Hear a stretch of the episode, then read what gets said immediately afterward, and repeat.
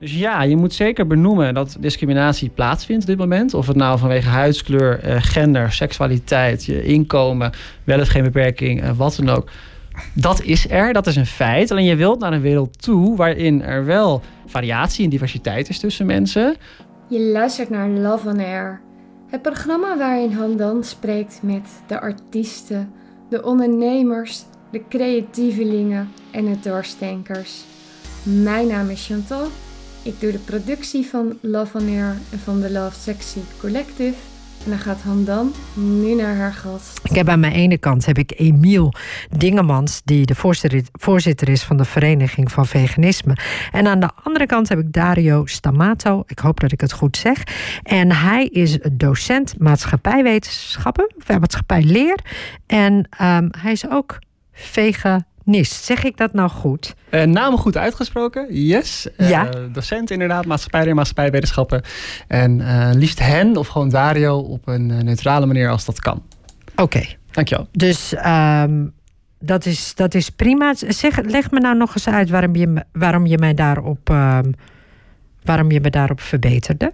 Ja? Oh, ehm, eh, ik heb het natuurlijk net voorgesteld. Je hebt, je hebt, mijn naam gehoord, je hebt me gezien. Uh, leidt wel eens tot aannames over... is iemand dan man of vrouw? Uh, en meestal blijft het bij die twee opties.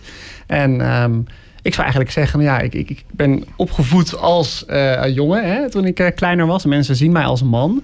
Maar het is niet wat ik in mijn paspoort zou willen. Het is niet hoe ik mijzelf zou omschrijven.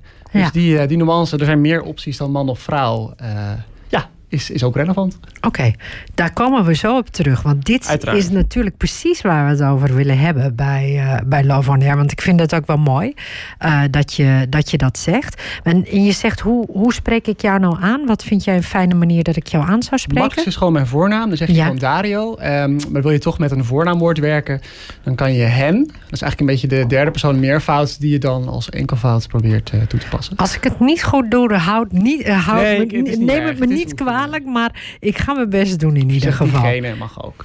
Diegene. Ja, dat, is misschien ook wel een goeie. En aan de andere kant heb ik Emiel. En Emiel heb ik wel eens vaker gesproken. En, uh, en wat ik leuk vond, Emiel, toen ik jou... Uh, want we hebben elkaar gesproken bij, uh, bij Amsterdam Talk Sex. Klopt. En toen ging het eigenlijk over mannen. Ja. En, uh, en jij had daar een heel, en dat zal ik ook echt niet zo snel vergeten. Je had daar een hele, heel mooi, mooi zinnetje dat je daar uitsprak. Want je zei, we, we hadden het over dieren, ja, over dieren eten. En hoeveel, want ik zei, me is dan niet voor de proteïne of zo? En toen zei, had jij zoiets van, nou ja, weet je, ik bedoel, als het dan over proteïne of hormonen gaat, uh, meestal worden vrouwelijke dieren gegeten. En je zei, dus dan heb je, nemen alle mannen wel de verkeerde hormonen. Ja, exact. Um, uh, als je plantaardig eet, dan wordt dan vaak gezegd van nou ja, dan eet je heel veel soja en daar zou dan uh, ja, de fyto-oestrogenen zitten daarin. Maar dat stukje fyto is heel erg belangrijk, want dat duidt op dat het van een planten is. En ons lichaam uh, herkent dat in ieder geval in dermate niet per se als. Um, als oestrogenen zoals dat bij de mens uh, door het lichaam heen gaat. Dus die weet daar redelijk een uh, goed onderscheid in te maken. Maar op het moment dat je je echt zorgen maakt over oestrogenen die je tot je neemt, dan zou je eigenlijk nog iets meer zorgen moeten maken over de dierlijke oestrogenen, die veel meer lijken op, op wat wij in ons lichaam hebben. Dus je zegt daarmee dat het eigenlijk veel schadelijker kan zijn. Ja, ik wil niet al te grote uitspraken erover doen. Maar op het moment uh, als dat argument gemaakt wordt, uh, dan vraag ik me toch wel af van ja, kijk ook even naar wat je zelf eet. En misschien moet je je daar uh, eerder zorgen over maken dan als je daar zorgen over zou maken. Nou. Ja. Maar dat, dat waren wel goede dingen. Want ik denk nog steeds voor heel veel mensen is het heel moeilijk om te bedenken om geen dieren te eten. Want morgen is het wereld Veganisme-dag. Exact. Ja, en daar staan we op die dag stil bij veganisme. En um, ja, veganisme, dat betekent even heel eenvoudig gezegd, dat je probeert uh, dieren op geen enkele manier uh, te gebruiken.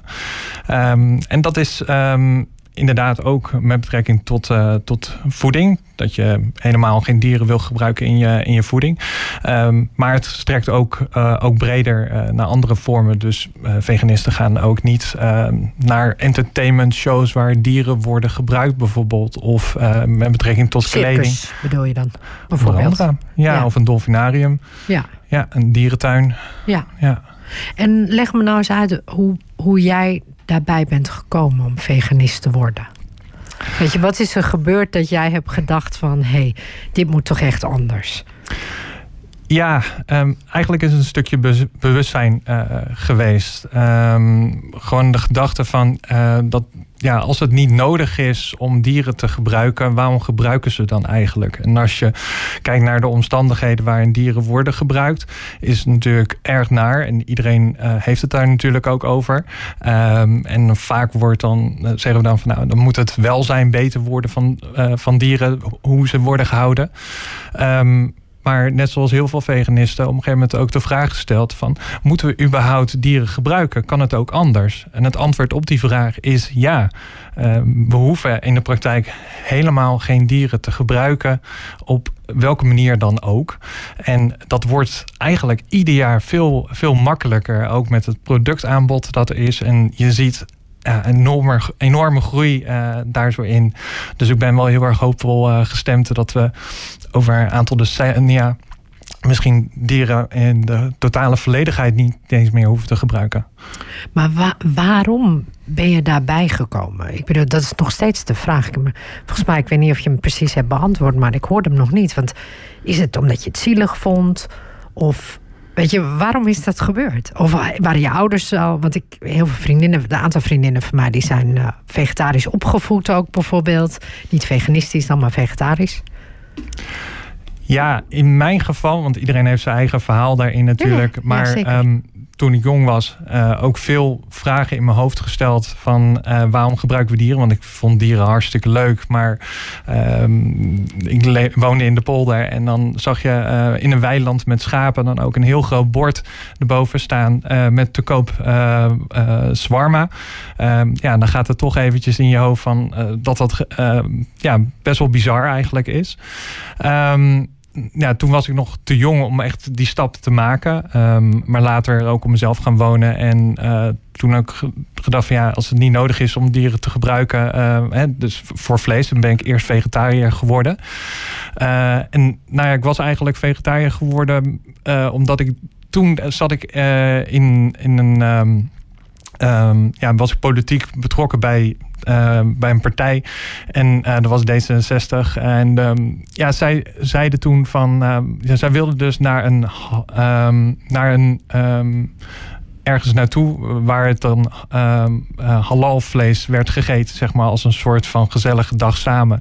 En toen uh, was hun standpunt, ook in de Tweede Kamer, van dat, dat, ja, dat gekant tegen het halal eten. Dus ik had zoiets van, ja, waar, waarom um, doe je dit dan? En toen was er één iemand en die zei tegen mij van, ja, als je dat zo vindt, dan, dan moet je gewoon vegetariër worden.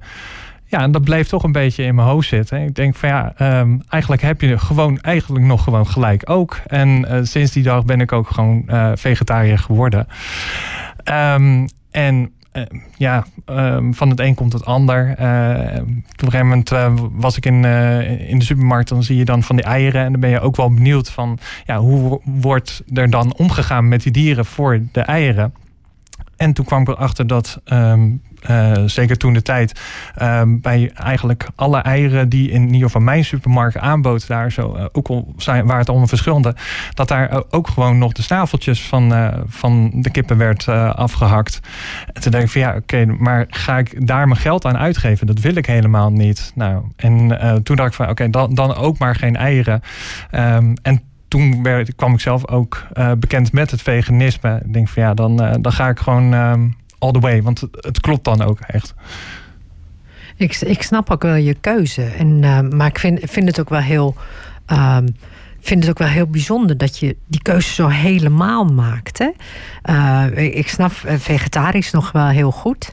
Ehm, en dan nog een stap verder, helemaal veganistisch. Ah, trouwens, ik ga ook helemaal niet naar uh, dierentuinen of naar dolf. Ik ben één keer in het dolfinarium geweest. Ik ben er huilend uitgekomen. Ik het zo verschrikkelijk.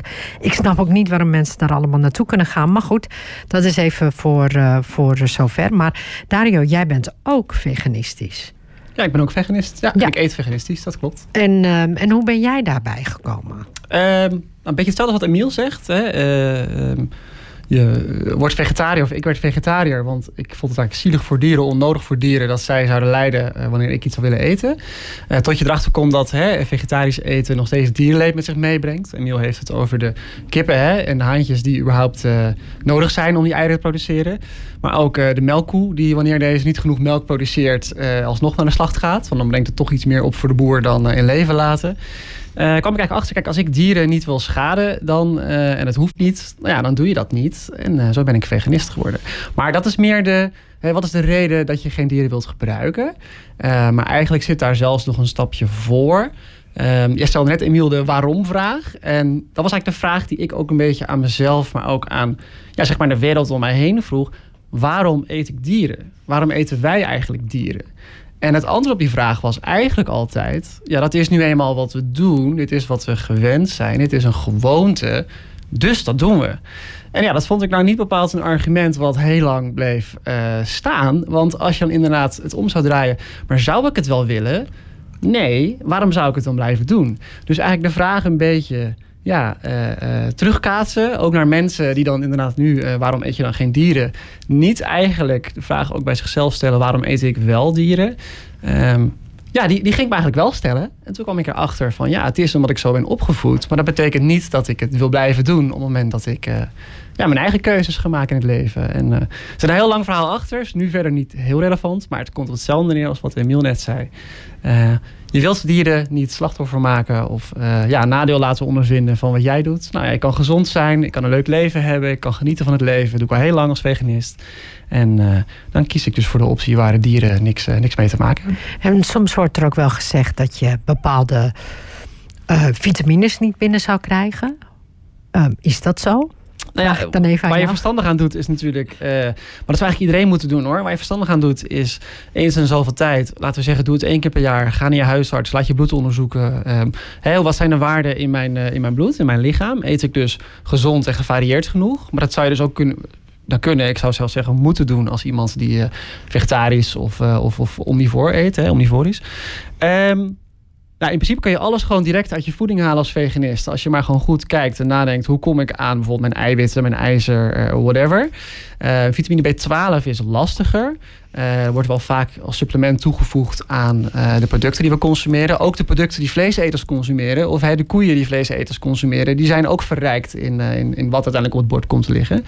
Maar goed, als veganist moet je daar natuurlijk zeker bij B12 iets meer op letten. En dat kan dan als aanvulling binnen de voeding die je hebt, of apart als bijvoorbeeld een, een pil of een andere vorm die je naast de voeding neemt. Maar al het andere, vitamines D, A, nou ja, noem het allemaal maar op, die, die kun je gewoon al etend binnenkrijgen. Ja, dus dat er is helemaal niet nodig om vlees te eten. Nee, precies. En het is ook niet nodig om koemelk te drinken. Kijk, hou je van een bepaalde ja, dat kleur of smaak, dan kies melk. je een andere. Ja, melk. Ik zag vandaag weer een... Uh, uh, met melk groeien op. Was weer een nieuwe, nieuwe reclamecampagne. Dat ja. ik dacht van wauw, weet je, dat is weer een nieuwe campagne die ze zijn gestart met melk. Ja, het grappige is, je zegt ook, hè, melk, daar groei je mee op. Nou, dan kun je dus, uh, uh, ik denk een beetje vanuit de zuivelindustrie is de boodschap, dat heb je nodig om te groeien. Nou, dat is natuurlijk feitelijk onjuist. Je kunt het gebruiken, maar het is niet nodig. Um, maar ik kijk dan heel erg, zeg maar, een beetje naar het, het sociologische aspect. Je groeit ermee op. Je bent het gewend. Dat is de gewoonte die je van kinds af aan aangeleerd gekregen. Maar dat je iets uit gewoonte doet, betekent niet dat het iets is wat je zult moeten blijven doen als je die gewoonte misschien wel onnodig vindt. Maar er zijn heel veel mensen die zouden zeggen in Nederland bijvoorbeeld. Ik heb vriendinnen bijvoorbeeld die niet zouden kunnen leven zonder kaas. Dat zeggen ze ook letterlijk zo: van ik kan niet zonder kaas. Ja, een heel emotioneel argument. En dat is ook, dat is ook natuurlijk waar hè, voor veel mensen. Die, die vinden het lastig om zich voor te stellen hoe gaat het er dan uitzien uh, als dat er niet is. En uh, zeker Emiel kon er zo meteen nog wel meer over vertellen hoor. Maar um, ik had ook toen ik jonger was niet de verwachting, ik ben later veganist. Want ik had heel veel dingen die ik hartstikke lekker vond. Maar de waarheid, nu ik dus al tien jaar veganist ben, uh, is als volgt. Ik eet nog steeds hele lekkere dingen. En heel veel van de producten die ik toen dacht te kunnen gaan missen, uh, zijn er nu nog steeds. Maar op basis van een andere grondstof dan, uh, dan de dierlijke. Maar ja. ik zie Emiel, volgens mij wil jij, ja, wil jij volgens inhaken? mij wil je, wil je inhaken. Haken zin. nou, niet zozeer. Ik, ik denk dat jij het eigenlijk al heel goed zei. Um, maar ja, ik, ik kijk dan meteen um, de, achter het proces. Um, want er wordt inderdaad wel aangegeven van dat we um, opgegroeid worden met, uh, met melk. maar dan hebben we het dan over misschien koemelk. Maar we kunnen het inderdaad gewoon vervangen door andere plantaardige bronnen daarvoor. Uh, net zo goed. Uh, en uh, smaak is natuurlijk wel heel erg belangrijk. Maar als iemand dan zegt van oké, ik kan kaas is het ding. dan nou, zou je ook kunnen overwegen van ehm, nou, dan doe ik in ieder geval overal geen dieren voor gebruiken. Behalve dan op dat moment kaas.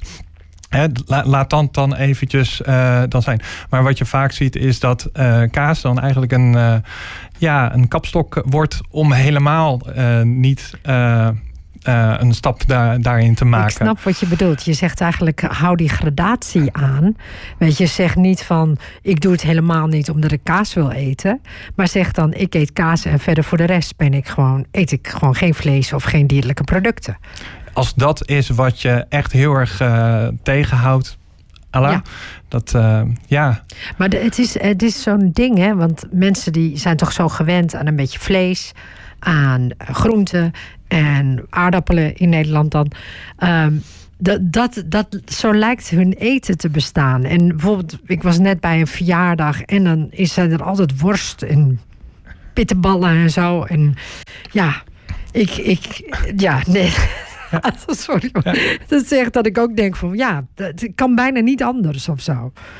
Ja, het is grappig dat je dat zegt, want um, een AGF-maaltijd, um, aardappelgroente, vlees, um, ja, dat, dan denk je van hoe, hoe, hoe kan dat dan veganistisch? maar dat is super makkelijk, want de groente en aardappelen, die heb je sowieso al. Dus eigenlijk is het alleen nog het Vlees, vleesaspect. Ja. En, in plaats, en daar kan je gewoon een vleesvervanger voor gebruiken en je bent al klaar. dus, ja, um... dus er zijn genoeg vleesvervangers, zeg jij eigenlijk. En dan zou je prima veganistisch kunnen zijn. Ja, eigenlijk alles kan je wel gewoon op een plantaardige basis maken. Gebruik je room om, uh, om een, een stampot lekker te maken, bijvoorbeeld. Nou, dan is er ook gewoon plantaardige room. Dus daar zijn eigenlijk geen. Ja, inmiddels is het zo makkelijk geworden om veganistisch, vegetarisch uh, te zijn. Dat, het, dat je eigenlijk niet eens meer kan zeggen van ik wil dieren Dat, ik bedoel, het, het, is toch eigenlijk iets geks. Jij wil wat zeggen, ja. Ja, je kunt het, je kunt wel zeggen. Je kunt gewoon praten hoor, ja, want ik heb alle hè, microfoons is dat, is dat onhandig als ik, als ik inbreng? Nee, nee. Uh, wat je als laatste zegt, je kunt zeggen om dieren te eten. Dat is inderdaad dat is een keuze die je kunt maken. Net als de keuze om het, om het niet te doen. Inmiddels zei het al, de, de AGV, uh, aardappelgroente uh, vlees, is eigenlijk heel erg een cultureel bepaald uitgangspunt. Want kijk je alleen al naar een andere keuken, en dan kies ik hier iets van een wok, dan, dan denk je al niet eens meer na over vlees. Dan ga je opeens over cashewnoten met kokosmelk en tofu en hè, los van alle groenten en saus die er verder nog in zit. Dus um, ja, het is, het is niet alleen maar bevragen wat doen wij uh, met uh, vlees, groenten, aardappelen, maar ook gewoon veel breder kijken naar ja, wat kan een mens allemaal? Nou, een mens kan dus veel meer dan die aardappel, groenten en vlees. Uh, vind je dat nog steeds prettig? Is natuurlijk ook goed. Maar wat Emiel zegt is, als je dan die aardappel en die groenten sowieso al hebt en je vindt de vleessmaak of de bite of, of wat ook jouw voorkeur daarbij is, vind je belangrijk, kun je nog steeds doen. Alleen dan kijk je naar inderdaad de plantaardige variant van hetzelfde worstje, van die kaas. wat je zeg maar puur voor traditie of voor het oog of voor het gewend zijn belangrijk vindt. Maar dan zonder natuurlijk ingrediënt erin. En toch het gevoel, de Nederlandse verjaardag. Of uh, hoe het er ook uit mogen zien met uh, ja, het blokje kaas bijvoorbeeld. Ja, en dat heb je dan toch, uh, heb je daar andere dingen voor inmiddels. Ja, en het blijft een. En ik weet niet waarom het voor zoveel mensen zo moeilijk is dit. Ik, ik begrijp het zelf niet. Ik, um, ja, ik vind nog steeds een. Want bijvoorbeeld de kokosmelk vind ik veel lekkerder dan welke melk dan ook. Dus ik, ik denk altijd, kokosmelk is echt veel lekkerder. Um, maar ja, I don't know. Waarom zoveel mensen er zoveel moeite mee hebben. Ik, uh, ja. blijf het een interessant, uh, interessant vraagstuk vinden. Ja, je moet er soms misschien een beetje lef voor hebben. Um, want mensen willen toch graag blijven doen wat andere mensen doen. Want je wilt niet zo erg uit de boot vallen. Want anders krijg je misschien vragen van andere mensen. Maar ik zou iedereen uh, het echt wel aanraden om gewoon die stap uh, te maken en daar gewoon voor te staan. Dat jij uh, compassie hebt met, met niet alleen je medemens, maar ook met de mededieren om je, om je heen. En dat je vindt dat er voor jou ehm, ja, geen dieren het slachtoffer hoeven te worden. Jullie beiden hadden toch, jullie gingen er net weer iets dieper op in, op het onderwerp veganisme. Want jullie haakten dat ergens anders aan. Zeg dat nou nog eens. nou, waar we het zojuist over hadden, was dat um, veganisme gaat natuurlijk over dat je dieren niet wil gebruiken. En dat is ook met een reden. Dus dat je uh, dieren niet uh, als onderwerp uh, als een product uh, wil zien, omdat het gewoon een leven op zich is en, um, en ook een voelend leven is. Wij, um, wij mensen vinden ons hoger staan, toch?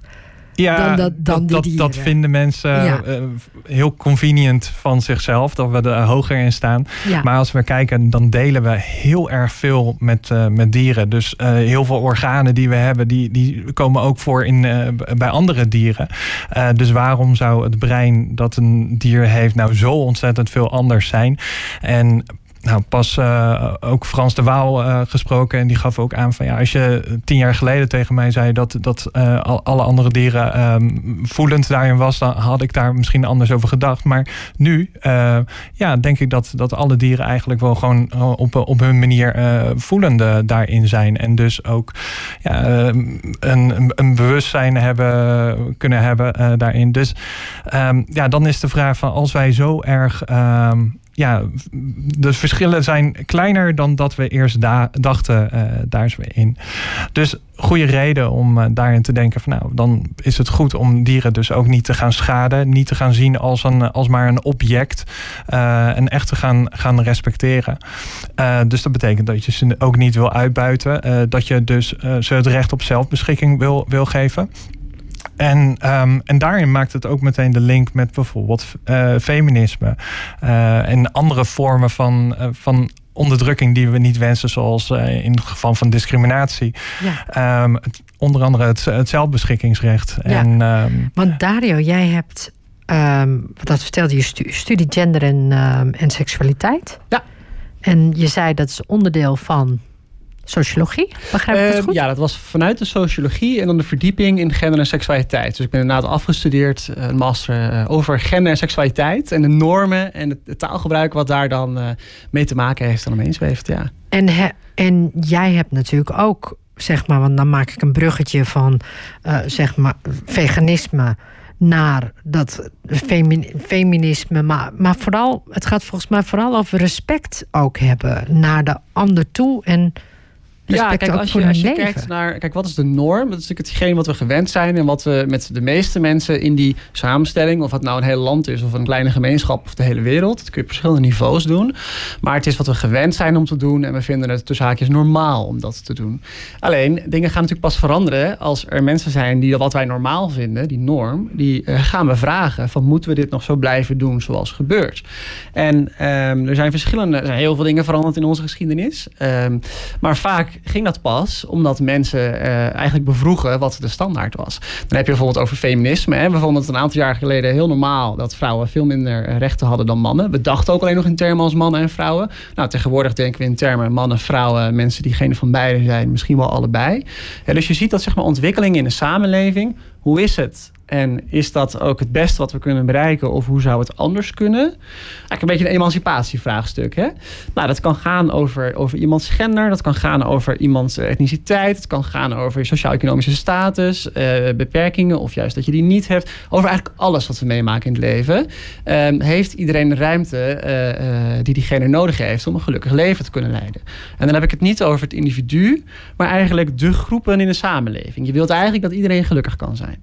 Ja, hetzelfde geldt eigenlijk bij dieren. Hè. Laten we even heel plat alle dieren onder één groep scharen. Uh, althans, uh, menselijke en niet-menselijke dieren.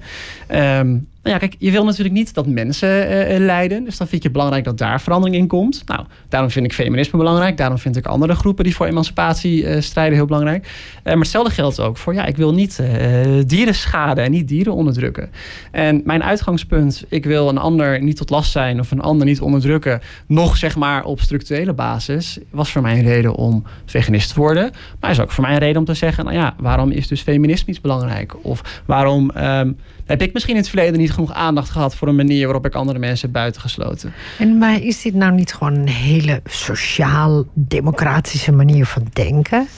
Wat, wat, je, wat je misschien, zeg maar, als ik in India zou zijn, nou ja, mijn ouders bijvoorbeeld Turks, die, die denken daar niet eens over na, joh. Weet je, want die zijn gewoon, die hebben gewoon zoiets van: laat me gewoon leven en laat me mijn ding doen. Nee, precies. Uh, en, maar zo ben ik ook opgevoed. Ik ben opgevoed uh, niet dat ik mezelf als een feminist zag. Ten eerste niet, want ik was opgevoed als een jongen. En hè, de, de foutieve verhalen die ik meekreeg... was dan dat het slecht voor jongens zou zijn dat er feminisme was. Dat is natuurlijk onzin. Maar dat is wel wie ik ben opgevoed. Ik ben opgevoed als iemand die vlees eet, koemelk consumeert, eieren. We hebben het allemaal net genoemd. En dat vond ik normaal. En ik vond de mensen die dat uh, niet deden, vond ik heel raar. Ik snapte dat niet. Tot ik inderdaad vaker verhalen hoorde die mijn standaard, hè, mijn norm uh, ja, eigenlijk tegenspraken. Uh, niet zozeer dat mensen mij kritiek gaven, maar wel waarmee ik geconfronteerd werd van... oké, maar het kan dus ook anders. Hè? Je kunt ervoor kiezen om niet dieren te eten. En toen kwam inderdaad wat ik eerder zei, hè? die vraag bij mij... Waarom doe ik het dan eigenlijk wel? Want ik vind het en zielig voor dieren...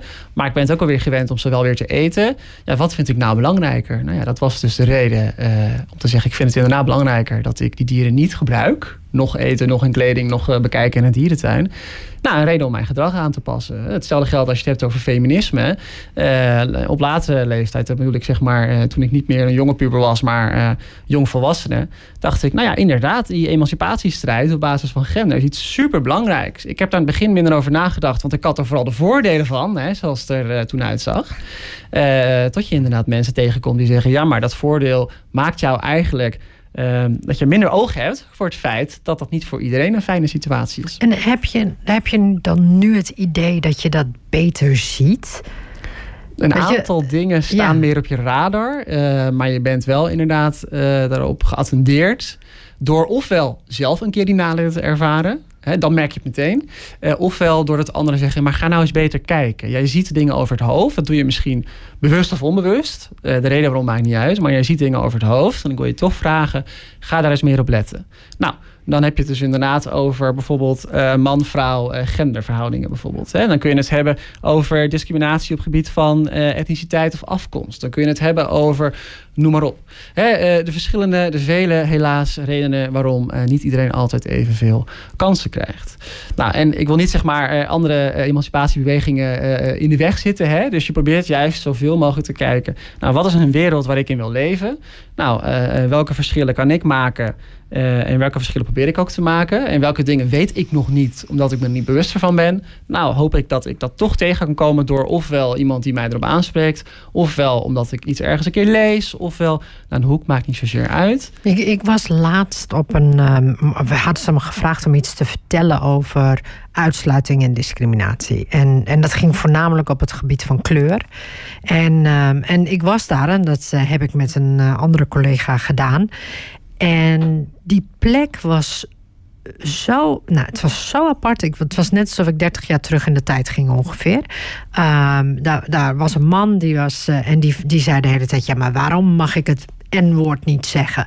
Wat maakt dat uit? Weet je, het is maar een woord. Weet je, hoe denk jij over dat soort dingen? Weet je, waarom mag je bepaalde woorden niet gebruiken? Weet je, wat, hoe, waarom mag je de vrijheid niet hebben om alles te gebruiken wat je wil? Nou ja, die vrijheid die heb je. Ja. Uh, maar dat betekent niet dat je het per se moet doen. En als iemand eigenlijk opmerkt, nou ja, ik vind het niet zo fijn, zou je dat anders kunnen doen? Uh, dan kun je ervoor kiezen om dat te negeren en nog steeds te doen. Maar die pijn en, en de frustratie bij de ander die blijft. Um, Goed, als meerdere mensen aan gaan geven, ja, maar ho, wacht even, dat is niet de enige. Ik heb daar ook last van. En als het, hè, jij zou je gedrag kunnen aanpassen, Dario. Ja, dan moet ik op een gegeven moment toch wel aan mezelf kunnen verantwoorden. Waarom weiger ik rekening te houden met iemand anders? En uh, wat ik al zei, ik heb de vrijheid om van alles te zeggen. We hebben allemaal de vrijheid om van alles te zeggen. Maar dat betekent niet dat je niet verantwoordelijk bent voor de effecten daarbij. En dan kan het dus zijn, iemand vindt het vervelend. En nou ja, dat is het. Maar die effecten gaan natuurlijk steeds verder door. Hè? Want stel nou, ik ben op een gegeven moment een werkgever. En ik heb dus in mijn achterhoofd bepaalde ideeën van ik hoef minder rekening te houden met die en die groep in de samenleving ja, is hun probleem niet mijn probleem als ze mij niet mogen. Ja, dat is wel erg makkelijk gezegd. Als ik ook degene ben die bepaalt wie komt er in mijn bedrijf werken of niet straks. Hè? En als ik bepaalde vooroordelen dus in mijn achterhoofd heb zitten en die meeneem in mijn behandeling van andere mensen, dan gaat het niet slechts meer om hoe ik iemand anders beledig of een frustratie oplever. Maar dan ben ik bewust of onbewust uh, ook andere mensen aan het buitensluiten en dus ook discrimineren eigenlijk. Ja. Dus vandaar luisteren naar uh, anderen die aangeven, zou het anders kunnen? Heel graag, nou probeer het dan ook. Er is een um, organisatie, Control Alt Delete. Ik weet niet of je die kent. Ja, uh, etnisch profileren zijn ze vooral mee bezig volgens nou, mij. Hè? En dat etnisch ja. profileren, ze hebben laatst hebben ze dat, hebben ze dat bij de rechtbank uh, naar de rechtbank gebra uh, gebracht. Omdat ze zeiden van de politie mag niet meer etnisch profileren. En dat hebben ze verloren. Marchouché was dat volgens mij. Ja, was volgens mij Marchouché. Ja. En ze hebben het verloren, ja. Dus dat betekent, dus de Marchouché heeft daarmee gezegd... weet je, wij mogen op basis van kleur, afkomst... Uh, mogen we onderscheid maken. Um, hoe denken jullie daarover? Ja, jij kijkt nu mij aan. Ja, ik kijk uh, naar jullie beiden een beetje. Want ik wil jullie evenveel ruimte geven om te praten. Maar ik, ja. maakt mij niet uit wie er antwoordt. Maar hoe denken jullie erover? Nou ja, um, ik, ik, vraag me uh, sowieso wel af van... Uh, is er echt onderzoek gedaan naar dat uh, etnisch profileren ook echt zou werken... om te zorgen dat de veiligheid, um, dat we een betere veiligheid hebben? En dan zou je een vergelijkend onderzoek daarin moeten doen. Nou, ik heb dat nog niet gezien. En ik denk dat we daar echt wel onze vraagtekens bij mogen, mogen zetten. Maar, maar begrijp je ook dat... Kijk, ik heb ook voor de politie gewerkt. Maar begrijpen jullie ook dat uh, dat het voor de politie heel logisch is om op die manier te profileren. Ik ga ik even een beetje aan de kant van de politie zitten. Hè, nee, weet je? Kijk, kijk, ik bedoel, even, even vooropgesteld. Ik, ik ben, uh, je had net over control alt lead. Hè, daar, daar ben ja. ik niet van. Dus ik wil ook niet zeg maar namens iets of iemand gaan spreken. Ik weet niet of je hen al gesproken hebt. Van nee, ik, ken, uit, ik, ken ze, ik ken Natuurlijk, ze goed. Ik bedoel, ja. dat is, dat is, dat is, dat is uh, ik hoop vooral dat een ander dat podium krijgt. Um, dus, dus wat ik ook hierover zeg of vind is mijn persoonlijke titel. Dus niet namens een of andere organisatie. Ook niet namens de NVV. Hè. Um, maar ik denk vooropgesteld, wij leven in een rechtsstaat. Dus een uitspraak van een rechter is bindend. Ik vind dat we dat per definitie uh, uh, moeten respecteren. Want uh, je wilt ook dat als het in jouw voordeel werkt, dat die rechtsstaat er is, dat we dat dan ook blijven krijgen. Dus vooropgesteld, een rechter bepaalt iets, daar moeten wij ons allemaal aan houden. Maar binnen onze rechtsstaat kun jij dus ook in hoger beroep gaan. Dus jij kunt inderdaad een uitspraak nogmaals bevragen van, goh, klopt het wel? Hè? Emiel geeft een voorbeeld uh, van kritiek die je op een uitspraak kunt hebben. Die mag je hebben, is een reden om in hoger beroep te gaan. Uh, maar je kunt ook natuurlijk daarnaast de vraag stellen, oké, dus stel dat dit de wetgeving is en binnen de huidige wetgeving mag het dan komt natuurlijk ook de morele vraag erbij. Maar is die wetgeving zoals die is, is dat goed? Hè? Want goed is een waardeoordeel. En als je inderdaad vindt uh, dat het niet goed gaat dan, uh, nou dat is dan natuurlijk de wetgevende macht die dat moet doen. Dan ga je naar het parlement en dan hoop je Misschien ben je zelf ooit iemand in de Tweede of Eerste Kamer. Misschien heb je contacten. Maar dan hoop je dat ooit er een nieuwe wet wordt gemaakt. Of een wetsvoorstel wordt doorgevoerd. Waardoor hetgeen waar jij probleem mee hebt. Dus gaat verdwijnen. Dus zelfs als na een hoger beroep. En hè, na alle uh, juridische mogelijkheden die bewandeld zijn. Uh, nog steeds dit oordeel van de rechter blijft staan. Dan is dat zo. Hoe vervelend ook, dat is natuurlijk zo. Maar er zijn heel veel redenen om uh, wel te denken... maar hoe kunnen we voorkomen dat dit probleem de volgende keer weer opspeelt? Of zeg maar blijft aanhouden gezien het feit dat genoeg mensen aangeven... we willen dit eigenlijk niet. Dus er is een manier, zeg je eigenlijk, om dat toch nog op een andere manier te veranderen. Emiel, jij wil wat zeggen? Ja, ja ik denk dat je ook. Um, ik, ik, ken het niet helemaal, het dossier. Maar um, wat ik wel heb meegekregen is dat de, dat de marechaussee dat vooral doet om te voorkomen dat mensen um, die ze dan illegaal noemen, dan asiel zouden kunnen aanvragen in Nederland. En dan, dan zijn het mensen die komen vanuit andere gebieden vanuit Europa, die doortrekken naar Nederland om hier dan asiel aan te vragen. En ehm, dan zoom ik eventjes uit. En volgens mij heeft het dan nog meer te maken met een uh, groter probleem dat we uh, binnen de Europese Unie niet goed om weten te gaan met het vluchtelingen uh, vraagstuk. En als je dat gewoon eerlijk uh, verdeelt tussen Europese landen van nou, uh, jullie zoveel asiel, wij zoveel asiel ehm, aanvragen die we doen, dan kan je dat gewoon goed doen. alleen hier zo zie je dus dat we daar politiek niet uitkomen. En vervolgens wordt het op het bordje, komt het dan van de marechaussee. Waar als gevolg daarvan dus mensen gewoon Nederlandse burgers uh, daar dus last van hebben uiteindelijk. En ik vind dat de politiek dan echt wel even bij zichzelf te raden moet gaan van hoe kunnen wij ervoor zorgen dat dit probleem er niet zal zijn voor deze mensen. En wat ik dan ook altijd bijzonder vind, want ik vind dat jullie helemaal gelijk hebben. Wat ik dan bijzonder vind, bijvoorbeeld als je dan in Terapel of zo woont, uh, waar, uh, waar er heel veel mensen met een vluchtelingenstatus zijn, um, dan gaan die mensen, de, de mensen die mogen stemmen, gaan dan ook precies weer op die partijen stemmen die nog ja, anders omgaan met die regels, laat ik het zo zeggen. En dat, dat valt me dan weer op. Dat ik dan denk van, hé, weet je, hoe kun je nou stemmen op zo'n partij die eigenlijk niet zo goed omgaat met het vluchtelingenprobleem in Europa? Maar dat snap ik wel. Dat snap je wel. Het, als, je, als je een vluchteling ja, uh, moet vluchten uit je land, betekent niet dat je automatisch um, in je eigen land um, diezelfde overtuiging zou hebben dat, uh, dat, dat je land allemaal vluchtelingen zou opnemen. Uh, vaak zijn mensen die naar Nederland toe vluchten, komen uit landen die, waar ze wat conservatiever misschien zijn dan, dan in Nederland. dus ik begrijp dat heel erg. ieder mens. Um, gaat een ontwikkeling door. Uh, Dario heeft het net al verteld van dat je gaandeweg gewoon dingen hoort van andere mensen van hey, daar moet ik ook nog eventjes uh, meer opletzaam op zijn. Um, dan, dan kunnen we zeker niet verwachten dat iemand die um, vanwege uh, ja, asiel krijgt, zeg maar, in, in Nederland, dat die dan um, ook hele linkse ideeën erop na zou houden, bijvoorbeeld. Ja. ja. Nou ja, misschien ook niet hele linkse ideeën, maar ik ben er altijd wel van overtuigd, want ik geef je wel gelijk. Het probleem is groter. En uh, het is dus niet alleen maar etnisch profileren. Het gaat een stap hoger dan dat. En dat moet eigenlijk worden uh, besproken op Europees niveau. En dat doen bepaalde partijen wel en sommige partijen doen dat hmm. niet. Of sommige partijen zijn daarvoor en sommige partijen zijn daar niet, niet zo voor, zeg maar. Wat ik ook nog wel een belangrijke nuance vind. Um, uh, Emiel en ik, allebei wit. Hè? Dus ik bedoel, wij zullen beide geen slachtoffer zijn van etnisch profileren. Wij hebben juist de, voor, de, voordelen van de vooroordelen van anderen. Hè? Dus ik denk, wat de nuance is ook hier. Um, ja, dit is natuurlijk eigenlijk een gesprek wat je met een ander moet voeren... die veel meer uit eigen ervaring kan spreken over... nou, wat gaat er niet goed, wat zou er mogen veranderen. Kijk, ik gaf net een hele ja, juridisch juiste, zuivere oplossing. Je kunt wetgeving aanpassen enzovoort. Dat zeg ik natuurlijk heel makkelijk... Uh, maar dat is natuurlijk een heel lang proces. Dat neemt niet weg dat in de tussentijd etnisch profileren, uh, vluchtelingenvraagstukken, dat blijft natuurlijk gewoon nog steeds spelen. En de uh, gevolgen voor de mensen die ermee te maken hebben, met name de mensen die hè, uh, onterecht staande worden gehouden, of mensen die inderdaad zelf vluchteling zijn, ja. of die vluchtelingen in hun buurt hebben en daar een mening over hebben. Kijk, dat probleem is er nu, op dit moment, direct nu al. Is er morgen, is over twee weken, is over twee jaar, is over tien jaar misschien nog steeds. Dus de belangrijke nuance hier is ook, ja, wij kunnen wel onze ideeën en oplossingen aandragen. Um, maar dat is best makkelijk vanuit een comfortabele stoel, waarbij je er minder direct mee te maken hebt. Dus ik denk wel dat eigenlijk hier ook een podium zou moeten. Ja, misschien het vervolg hoor, maar een podium moet zijn voor iemand die daar meer over ja, behoort te zeggen. Eigenlijk ja, zeker. Dan, dan ik zou mogen met, uh, met mijn achtergrond. Nou ja, ik vind, wel, vind het wel aardig dat je dat zegt en dat je daar ook over nadenkt. Dat vind, dat vind ik eigenlijk wel heel fijn.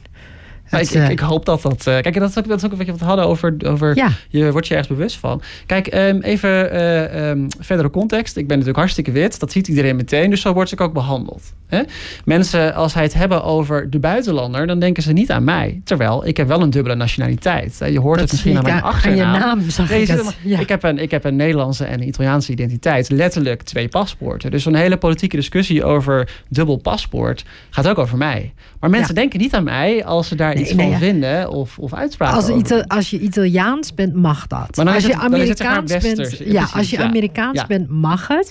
Maar als je Turks bent, zoals ik, mag het niet. Oh ja, je zegt het zelf En, al, hè, uit eigen eh, ervaring. Ja, dus dat, dat is eigenlijk ontzettend stom. Maar goed, weet je, jij mag het wel, ik mag het niet. Uh, dus dat is al heel gek. Ja, en, en daar komt bovenop, men ziet het bij mij niet. Dus je ziet Nee, aan mij dat klopt. niet dat daar... eh, dus eh, op papier heb ik ook een migratieachtergrond. Ik ben Ja. in Nederland geboren, in Nederland getogen. Ja. Eh, ik heb eh, onderwijskunde genieten. In mijn hele leven heb ik heel veel kansen en zeer weinig belemmeringen meegemaakt. Door hoe mensen mij zien. Ja. Puur, ze zien een wit persoon. Ze zien mij als een man, noem het zo maar op. Ehm, maar dus die discussies over bijvoorbeeld hè, eh, eh, migratie, dubbele nationaliteit enzovoort. Er zijn dus ook wel eens mensen die dan denken dat ik met hen op één lijn zit. Van, hé, maar Dario, jij vindt dat toch ook, die migratie, dat moet allemaal anders. En ja, eh, je kan niet twee nationaliteiten hebben. En ik, oh, die heb ik namelijk ook. Hè? Ik, ik heb Ja, ook, dus jij, jij krijgt dus die mensen die dan met jou meegaan, die denken dat jij Ze hetzelfde zijn heel denkt. ongemakkelijk oprecht. Ja. eh, die dus niet tegen een ander zullen zeggen dat zij die vooroordelen hebben. wanneer er iemand waarbij ze zien dat diegene een migratieachtergrond heeft. Die zullen niet snel in het gezicht van iemand zeggen: Nou, daar vind ik wat van. En als ze dat wel doen, is dat des te meer een probleem. Maar het punt wat ik wil maken is dus dat ehm, er zit zoveel meer nuance achter migratievraagstuk, nationaliteitsvraagstuk, identiteit. dan ehm, ja, zoals het voor sommige mensen beschouwd wordt. Neem niet weg dat zoiets als etnisch profileren eh, een gigantisch probleem is, naar mijn idee. Alleen dat ik niet degene ben die daar eigenlijk iets van moet vinden, omdat ik juist de witte persoon ben die zelf niet etnisch geprofileerd wordt. Of anders gezegd, ik word etnisch geprofileerd als wit persoon. En dus heb ik er geen nadeel van, waar iemand met een donkerdere huidskleur eh, eh, daar wel nadelen van heeft. En- Dus dat zou iemand zijn die daar meer over kan en moet Maar je, zeggen. maar je bent docent, hè? Ja. En heb je het hier met je leerlingen ook over? Eh, deze onderwerpen? Ja. Ja, absoluut. Kijk, binnen mijn vak leren we juist over de totstandkoming van normen, van cultuur. Wat is dan eigenlijk cultuur? Hè? Ehm, eh, waarom is dat juist plaats en tijd gebonden? Hè? Of het nou veganisme is of jouw, eh, jouw ideeën over bijvoorbeeld seksualiteit of seksuele diversiteit. Alles wat wij, wat wat wij vinden, wat wij normaal vinden, is afhankelijk van door wie zijn we opgevoed, op welke plek in de wereld en in welk jaartal. Ik, ik zou 100 jaar geleden ook geen veganist zijn geweest. En zeker ook geen feminist zijn geweest. Ehm, eh, was ik nu, met de leeftijd die ik nu heb, eh 30 jaar geleden opgegroeid in een ander land, had ik ook hele andere denkbeelden gehad. Dus je wilt zeg maar leerlingen bewust maken van het feit dat hun referentiekader, mijn referentiekader, ons referentiekader, onze cultuur, jouw subcultuur, mijn subcultuur, onze gedeelde cultuur, dat is allemaal een uitkomst van de context waarin wij zijn opgevoed en ook elkaar allemaal daarin opvoeden. En door dat bewustzijn eigenlijk kenbaar te maken, ehm, hoop je ook dat zij beter snappen wie ben ik hè, als leerling zijn en niet eh, eh, wat mij verteld is wie ik ben, maar dat ik ook naga eh, door wie is mij verteld dat ik diegene ben en wie Ja. zou ik zijn geweest als een ander mij dat verteld zou hebben. Welke klasse geef jij les? Eh, Of even voor het Met referentiekader. name eh, 15 tot 18-jarigen. Dus, ja, dus eh, echt die puberleeftijd ja, absoluut. Ja. Die, die heel veel van zichzelf vinden en die heel veel beelden willen uit, uitdragen van hoe je zou moeten zijn hè, als puber. Ja, nee, ze willen er heel graag bij horen Absoluut. of zo. En, dat, dus, en alles wat je nu verkondigt, lijkt alsof je er dan niet bij gaat horen. Nou ja, kijk, als ik dus mezelf neem als puber. Ja. Hè, ik ben nu 31. Nou, ik ben natuurlijk ook puber geweest. En ehm, die waarom-vraag van waarom eet ik eigenlijk dieren... ging een beetje samen met waarom... ehm, vind ik misschien wel blauw mooier dan roze? Of waarom draag ik wel spijkerbroeken, maar draag ik geen jurken? Nou, dat was omdat de samenleving mij vertelde... Dario, wij zien jou als een jongen. Jij wordt later een man. Dus jij eh, moet heel veel vlees eten. En eh, je moet vooral op eh, vrouwen vallen. En roze is het meest verschrikkelijke wat je kunt doen.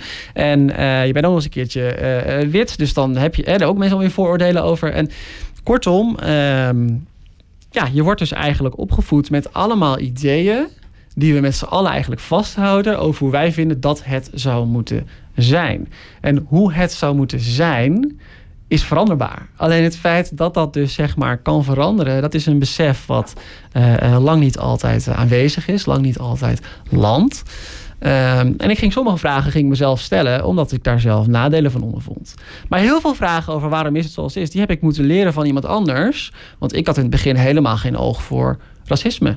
Want ik was een wit persoon. Ik werd niet gediscrimineerd. Tot ik van andere mensen hoorde dat zij dat wel werden. En ik niet wist dat zij dat werden. Want ik zag het niet. Ja. En het idee is dat als je dus elkaar eigenlijk bijbrengt van nou, hoe komen identiteiten en culturen tot stand, welke ongelijkheden bestaan er in de samenleving, Ehm, als je daar probeert bewust van te zijn, dan ga je dat waarschijnlijk veel vaker zien dan voordat je dat bewustzijn probeerde vast te houden. nou, hoe zit dat met onderwijs? Ik maak me, Ja. Sorry hoor, ik maak mijn zin af. Ja, en ik zie dat je iets wil, eh, wil vragen of zeggen. In het onderwijs ga ik niet eh, leerlingen een mening meegeven. Die moeten ze zelf kunnen vormen. Ik zeg ook expliciet, nou, er zijn verschillende perspectieven, verschillende visies op dit vraagstuk. Is het nou etnisch profileren, veganisme of feminisme of whatever. Maar ik geef hen mee, de visie die jij nu hebt, voordat ik begin, heb je niet zelf bedacht. Hè? Dat is gevormd door de situatie waar je in zit. De visie die jij straks hebt is misschien nog steeds hetzelfde. Dat is ook helemaal niet erg. Maar het gaat erom dat je moet beseffen dat iemand anders kan er anders over denken dan jij. Omdat diegene andere verhalen heeft gehoord. Andere dingen ervaren heeft door wie ze zelf zijn. Ehm, en dat kan ook wel betekenen dat jij misschien later toch dingen gaat veranderen. Als jij merkt dat je dat ook iets belangrijks vindt. Ik denk dat je dit allemaal heel goed vertelt. Ik, en jij zei nog iets heel belangrijks, eh Emiel. Nou, ik had het erover dat ehm, als je zelf kiest voor veganisme, dan is dat op zich eh, vrij makkelijk. Ehm, maar soms ben je in een situatie waarbij ehm ander voor jou moet zorgen. Dus eh, als je in het ziekenhuis terechtkomt of in een eh, zorginstelling.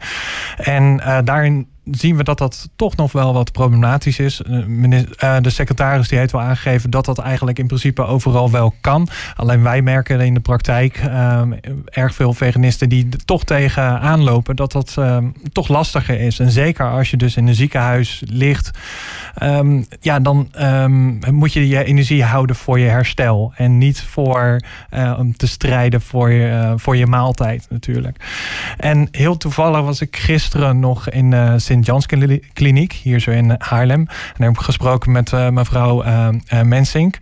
En ehm, zij had ook in het Haarlems Dagblad een artikel eh, laten pennen van hoe haar ervaringen zijn daarin. En ehm, ja, dat ze daar drie weken ligt en eigenlijk eh, geen toegang heeft tot een, eh, ja, een plantaardige maaltijd daarin. Dus mm, ja, dan wordt er wat aangeboden met, met spekjes of er zit room door de, door, de aardappelen heen. Ehm, en dat zijn dus, ehm, ja, in, in, het artikel werd wel aangegeven vanuit de Sint-Jans Kliniek dat ze daar nu een oplossing voor hadden. Maar ik heb er gisteren nog gesproken en ze zegt van nee, er is daarna nog steeds geen oplossing gekomen. Ik kreeg nog steeds eh, ehm, dierlijke dingen aangeboden. Bijvoorbeeld gisteravond zou ze dan een eh, maaltijd met kalkoen dan krijgen. Ehm, ja, dat is totaal niet wat, wat ze natuurlijk eh, daarin verwachten. En het schrijnende is, ze ligt daar voor de haar herstel. Eh, juist bewust eh, daarvoor gekozen om dat daar te doen in plaats van thuis. Ehm, en ehm, ja, ze is dermate overtuigd dat ze gewoon echt geen dieren wil eten. Dus ze weigert ook om dat te eten. Nou, daardoor heb je geen volledige, volwaardige maaltijd.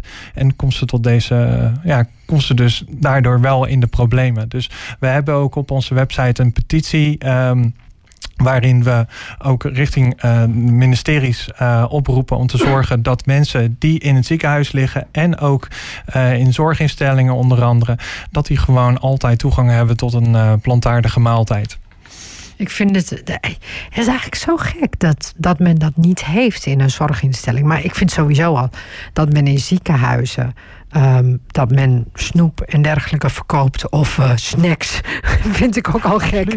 Ja, Vind Ja. ik echt heel raar. Ik denk dat van, hè, dat is toch geen gezond voedsel? Dat weet toch iedereen? nee, de gemiddelde schijn- kantine daar zo, dat is totaal niet gezond wat daar zo ligt. Absoluut. Ja, Nee, precies. En dan lig je dus in een ziekenhuis. Ja. Heel apart Als je een snoepje wil eten, doe het vooral. Hè? Dat, dat, is, dat is de individuele keuze die je kunt maken. Maar Emiel zegt inderdaad heel terecht. ehm, ja, als, eh, voor jou is het belangrijk dat er rekening wordt gehouden met, met ehm, jouw, jouw overtuigingen, hoe jij in de wereld staat. Eh, dat kun jij gezond doen als je thuis bent. Ehm, je kunt in elke grote supermarkt, je kunt bijna in alle restaurants tegenwoordig wel een veganistische optie krijgen. En dan juist de plek waar eigenlijk eh, de patiënt het meest belangrijk is, hè, de mens het meest belangrijk is, wordt er met die mens, hè, deze mevrouw in dat geval, eigenlijk niet goed rekening gehouden. Is dat bewust of onbewust? Kijk, ik, ik ken de situatie niet, dat laat ik aan jou, eh, Emiel. Maar ik, eh, ik, ik snap jou wel en ik vind het ook inderdaad eh, ja, jammer. Nou ja, en het is ook goed dat je het aankaart. Absoluut. En ehm, denk ik, en ehm, het is ook heel makkelijk op te lossen. Hè? Want um, het is voor heel, heel simpel. Om de, om de hoek bij de Janskliniek is er een Albert Heijn. Als zou er maar één iemand naar die Albert Heijn lopen, zou het toch genoeg zijn? Uh, dat zou sowieso een hele goede oplossing zijn. Dus uh, nu wordt er heel erg gedacht vanuit cateraars. Uh, die worden eh, ook door de bezuinigingen in de zorg... Ehm, ja, zijn er haast geen eigen keukens meer.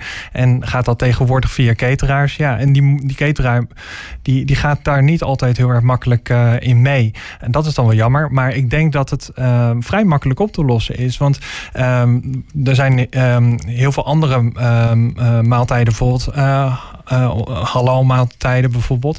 Um, maar op het moment dat het plantaardig is, de volledige maaltijd, dan is het ook gewoon geschikt voor uh, onder andere ook halal.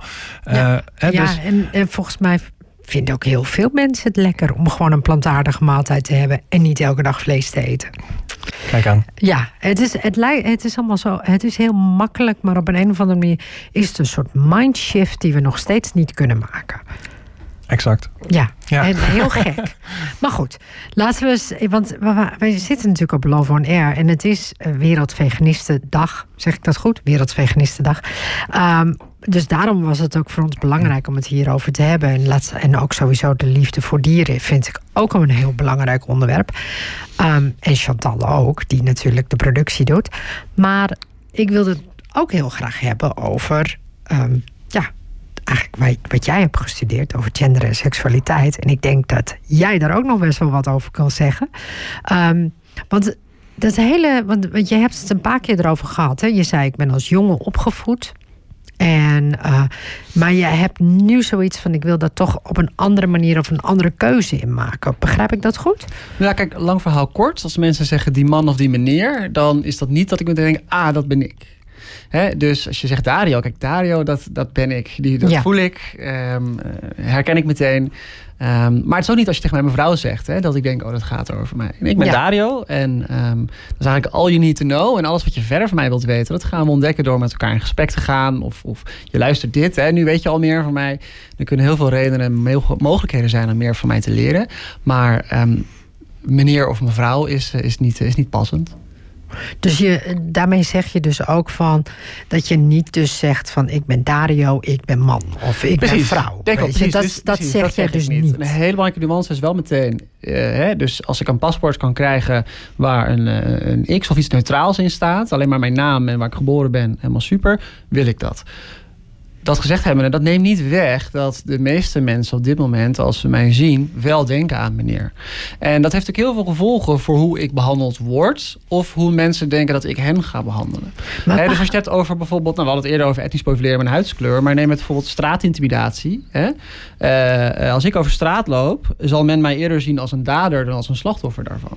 Dus er zullen best mensen zijn die met mijn, de stem die ik heb, of het uiterlijk wat ik heb, ik heb een baard, of de lengte die ik heb, en misschien wel mijn gezichtsuitdrukking uh, zich op een bepaalde manier veilig of onveilig bij mij kunnen voelen. Ehm, maar ik zelf niet zo snel uh, bang hoef te zijn als ik over straat loop, uh, een donker steegje, dat mij iets gaat overkomen. En dus dat het feit dat ik geen man ben, neemt niet weg dat ik wel heel veel voordelen heb van dat andere mensen mij zien als een man. Maar waarom maak je deze keuze? Waarom laat je het niet gewoon zijn zoals het is. Ja, kijk, dan spreek je natuurlijk in termen van, van keuze. Alsof ik zeg maar per week uh, kies ik wat anders. Kijk, dat is het niet. Het gaat echt om je, om je inherente gevoel. Hè? Hè? Um, uh, wie ben ik? Uh, niet iets van één dag. Dat is eigenlijk gewoon... Ja, wie ben ik? Als, ik? als ik jou de vraag zou stellen... zul je misschien wel man of vrouw zeggen. En dat mag ook gewoon. Hè? Het is niet dat mensen niet een man of een vrouw mogen zijn. Het gaat mij erom. Niet iedereen is een man of een vrouw. en soms ben je, ben je geen van beide. Soms ben je juist allebei. Dat kan. Maar je hebt bijvoorbeeld aanhangers van het Forum ook vaak, hè, die dan zeggen van ze willen de man-vrouw verschillen willen ze allemaal weghalen op de wereld. Bedoelt, Forum bedoel je dan de politieke partij ja, of iets anders? ja. Uh, ook mensen die, die niet bij die partij zitten zeggen dat soms. Zeggen dat ook nou, wel kijk, eens, mijn, mijn standpunt hier is niet... Uh, je moet de verschillen die er zijn negeren. Um, sterker nog, ik denk als je, als je alleen maar doet, eh, er is geen verschil meer in de wereld. Iedereen is precies dezelfde kloon van elkaar. Dat is een illusie, want we zeggen altijd iedereen is mens. En toch hebben we seksisme, racisme, eh, hè, validisme, eh, worden mensen op wat voor manier dan ook benadeeld. Dus ik denk het is helemaal goed om te zeggen, nou ja, sommige mensen zien er anders uit, hebben andere behoeften. eh, we zijn niet allemaal hetzelfde. Kijk, dat is een feit. Alleen hoe wij deze verschillen gaan benoemen, dat heeft ook een versterkend effect voor hoe wij die mensen en onszelf en elkaar gaan behandelen. Dus ja, je moet zeker benoemen dat discriminatie plaatsvindt op dit moment. Of het nou vanwege huidskleur, eh, gender, seksualiteit, je inkomen, wel geen beperking, eh, wat dan ook. Dat is er, dat is een feit. Alleen je wilt naar een wereld toe waarin er wel variatie en diversiteit is tussen mensen. Maar dat niet tot nadelen leidt voor iemand op basis van die variatie en Ja. die diversiteit. Ja, ja dat, dat zei je al. Maar ik zit, ik zit te zoeken naar van, goh, weet je hoe, hoe werkt het nou precies? Hè? Want stel je, als jij verliefd wordt, Ja. Op wie word jij dan verliefd? Ja, maar dat is natuurlijk een andere vraag dan wie ben ik zelf eigenlijk. Nee, maar ben ik, ik ben daar benieuwd naar. Ja. Van, weet je wel, of je daar, word je dan verliefd op een mens? Ehm, of, weet je, want ik vind, dat vind ik ook een moeilijke vraag hoor. Nee, je is dan, een hele persoonlijke vraag. Ik vind Ja. die eigenlijk niet te beantwoorden hoor. Maar ik, Ja. ik denk, er zullen ook mensen zijn die zeggen... nou, dat vind ik geen fijne vraag, dat is privé. ja. Dus nee, maar ik ben, ik ben eh, gewoon zelf heel benieuwd. Weet je, ja, van wat, ja, maar wat- natuurlijk. Nee, mag je, mag je van mij weten hoor. Kijk, wat ik al zei, dat is los van wie ik zelf ben. Eh, maar op wie ik eh, verliefd word. Nou, de mensen gaan ervan uit. Jij ziet eruit als een man, dus dan zul jij op vrouwen vallen. Dat is die hele Mhm. heteronormatieve aanname... dat mannen vallen op vrouwen en vrouwen op Mhm. mannen. Nou, tot mensen zien, oh wacht even Dario, je hebt wel iets roze aan. Je hebt soms wel eens nagelak of make-up. Oh, die hebben daar dan associaties mee. Dan, dan ben je dan misschien nog wel man, maar dan ben je niet een heteroman of zo. Hè? Dat zijn ook alweer eh aannames. Ehm, nou, eigenlijk klopt het allemaal niet zozeer. Ik ben Dario, ik word verliefd. Eh, ben ook verliefd, ik heb een relatie eh, al drie jaar. Dat is een vrouw waar ik een relatie mee heb. Ehm, maar ik ben verliefd geworden op deze persoon vanwege wie dat is, hoe diegene in het leven staat, hoe wij op elkaar aansluiten. Maar zou je dan zeggen dat je een soort van panseksueel bent? Nou ja, kijk, wat je misschien al eerder gemerkt hebt in, in, in, in de dingen die ik vertel, is ehm, door er een label aan te gaan plakken. En ik, ik snap dat je dat natuurlijk wilt, hè, want je wilt een soort. ehm, je wilt, je wilt, Mhm. Ik je het afkaderen, kaderen. toch? Ja, ik ben het soort, kaderen. eh, als je Ja. dit bent, ben je dat niet. En als Ja. je dit bent, dan kan ik dat snappen. En dat is wat ik- Ja. dus ik snap, ik snap de behoefte hoor. Dat is, dat is verder het, eh, het ding niet. Eh, maar ik probeer me juist een beetje te onthouden en, en, en afstand te houden van plak er één label op. Want als je, zodra je er een stickertje op zet, dan is voor veel mensen is het dan klaar. Ik snap de sticker, ik heb beelden bij de sticker en ik hoef niet meer te luisteren naar wat jij zegt, wat anders is dan ik zou denken op basis van die sticker. Dus wat ik eigenlijk probeer te doen is niet die sticker te plakken. eh, om te voorkomen dat men dan eigenlijk vast blijft houden aan de vooroordelen die zij hebben bij die sticker. Dat kunnen positieve vooroordelen zijn, dat kunnen negatieve vooroordelen zijn. Maar het zorgt er wel vaak voor dat mensen stoppen met eigenlijk luisteren en vragen: wie ben je dan? Ehm, eh, welke behoeftes heb je eigenlijk? Wat vind je fijn? Wat vind je niet fijn? Wat denk je dat er goed gaat eh, in jouw situatie? Wat zou er anders kunnen in jouw situatie? Ja, Dus vandaar dat ik daar eigenlijk een beetje eh, omheen draai, juist. ja. Ehm, Nee, nee, ik vind niet dat je. Ik probeer het, weet je, ik, ik stel je die vraag zodat ik het begrijp en de anderen het ook begrijpen. Want, want ik, ik vind het zo'n bijzonder fenomeen. Ik zou ook zeggen van. Ik denk dat je altijd op een persoon valt en nooit op een geslacht. Dat, je, dat, dat denk ik zelf ook altijd. Je valt altijd op een persoon. Niet op of dat het een man is of dat het een vrouw is. Tuurlijk, want zelfs als je een voorkeur hebt voor... eh, hè, je zult sneller kijken naar iemand van een bepaald gender bijvoorbeeld. Hè. Ik bedoel, die voorkeuren die kun je hebben en dat is ook helemaal niet erg. Maar dan val je toch ook niet meteen op iedereen. Je hebt toch ook, nou Ja, ja, precies, die vind ik aardig en die niet. En die heeft wel dezelfde hobby en die niet. En die was vervelend tegen de cashier. Nou, zo iemand wil ik niet eh mee samen eten vanavond. Ik bedoel, je hebt natuurlijk allemaal... Ja. Nuances die daarin eh verschil die daarin maken. vallen. Dus, ja. ja, dus nee, maar dat, dat is ook de, een van de dingen waarvan ik, wat ik soms ook wel, heb ik altijd al moeilijk gevonden hoor. Dat ik altijd dacht van, goh, weet je, wat, wat maakt nou dat je zegt dat je per se op een man valt? Of wat maakt waarom je per se op een vrouw valt? Want je valt niet op alle vrouwen en dat hoeft ook niet, weet je. Het is niet zo dat elke vrouw die langskomt, dat je daarop moet vallen, toch? Ik bedoel dat, eh, of elke man. Dan zou ik het erg druk krijgen. Dat, eh, Nee, nee, nee, sowieso, dan zou je het Ja. echt druk krijgen. ja, ja. Maar dat is wel het beeld wat veel mensen hebben. Oh, ik ben puntje, puntje, puntje. Nou, laten we zeggen, iemand zegt ik ben man. Nou, wat is iets wat je dan heel vaak als jongetje of man te horen krijgt? Jij moet op vrouwen vallen. je moet bewijzen dat je op vrouwen valt. Mhm. Hè? Je moet vooral je mannelijkheid en je heteroseksualiteit, heteroseksualiteit erbij be- bewijzen. Eh, want als je dat niet doet, maar dan wijk je af. En dan, dan wordt het misschien wel een probleem. Kijk, Ja. tegenwoordig zijn er gelukkig steeds meer mensen die daar eh, minder streng eh, eh, in zijn. Maar ehm, nog steeds hoor, in alle hoeken van Nederland en ook buiten Nederland, ehm, kan dat wel heel vaak beperkend werken. Want zeg maar, dat beperkend werken is eigenlijk waar ik er net een beetje naar hintte bij jou. En Emiel, je haak zo meteen zeker in hoor. Ehm, als je ervan uitgaat dat iemand X is en Y wil, dan ben jij het voor een ander aan het invullen. En eh, wat nou als diegene dat niet wil? Is diegene assertief genoeg om te zeggen: Ho, wacht even, je zit er eigenlijk naast? Sowieso, waarom zou jij dat voor een ander moeten invullen? Je had ook de vraag kunnen stellen: Jij doet dat gelukkig. Wie ben je eigenlijk? Nou, stel ik wil weten met wie eh, eh, zie ik jou straks eh, in de bioscoop samen. Nou, dan weet je al wat meer van mij. Maar dan stel je een vraag. En het probleem is vaak dat mensen elkaar eigenlijk dwingen, bewust en onbewust, heel uitgesproken en heel subtiel. Dit is wat je zou moeten doen. En als je dat niet doet, in het ergste geval word je daar gewoon met geweld op afgestraft. Alleen het gebeurt ook heel vaak, het afstraffen, op minder gewelddadige, maar nog steeds hele impactvolle Subtiele manier. Ja, en Ja, vaak je zal, als, jou, als een jongetje van manieren. vijf, die zegt inderdaad, ik ben een jongetje, hè, dat kind, eh, met een jurkje naar school zal gaan, zijn er genoeg mensen die zeggen tegen die ouders, had jouw kind dat zelf gedaan of heb jij dat, eh, heb jij dat voor dat kind aangetrokken? Zeg maar, je moet je gaan verantwoorden dat iemand dus niet de, de, ja, zeg je dat, de gedragingen volgt die wij eh, niet, de norm of zo Precies, het eh, gaat om die en nog steeds is die norm er. Hè? Dat is ook wel, eh, wel interessant. Toch? Nou, die norm is er uiteraard. ehm, je gaf het zelf al aan, hè, dat mensen heel graag willen dat je in een bepaald hokje valt. De ene is een man, de ander is een vrouw. En eh, zo hoort hoor je de gedragingen die erbij eh, passend eh, zijn. En dan dat hokje bepaalt dat eigenlijk al voor jezelf. En het is eigenlijk. ehm, ja, de wereld is veel mooier, want hij is eigenlijk gewoon veel diverser blijkt. Dus eh, de, mensen zitten op een heel groot spectrum eh, daarvan. Dus het kan van alles zijn. En ik denk dat dat heel erg mooi is, juist eh, dat stukje realisatie daarvan. En, en als ik nou zou vragen, wie heeft het hele gender nou bedacht?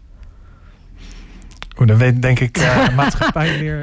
Dan ga ik leraar meteen- Je meer kan dat niet toewijzen aan, aan één persoon. Maar kijk, wij als samenleving zijn ooit dingen daarin belangrijk gaan vinden. En die zijn we bij van vasthouden.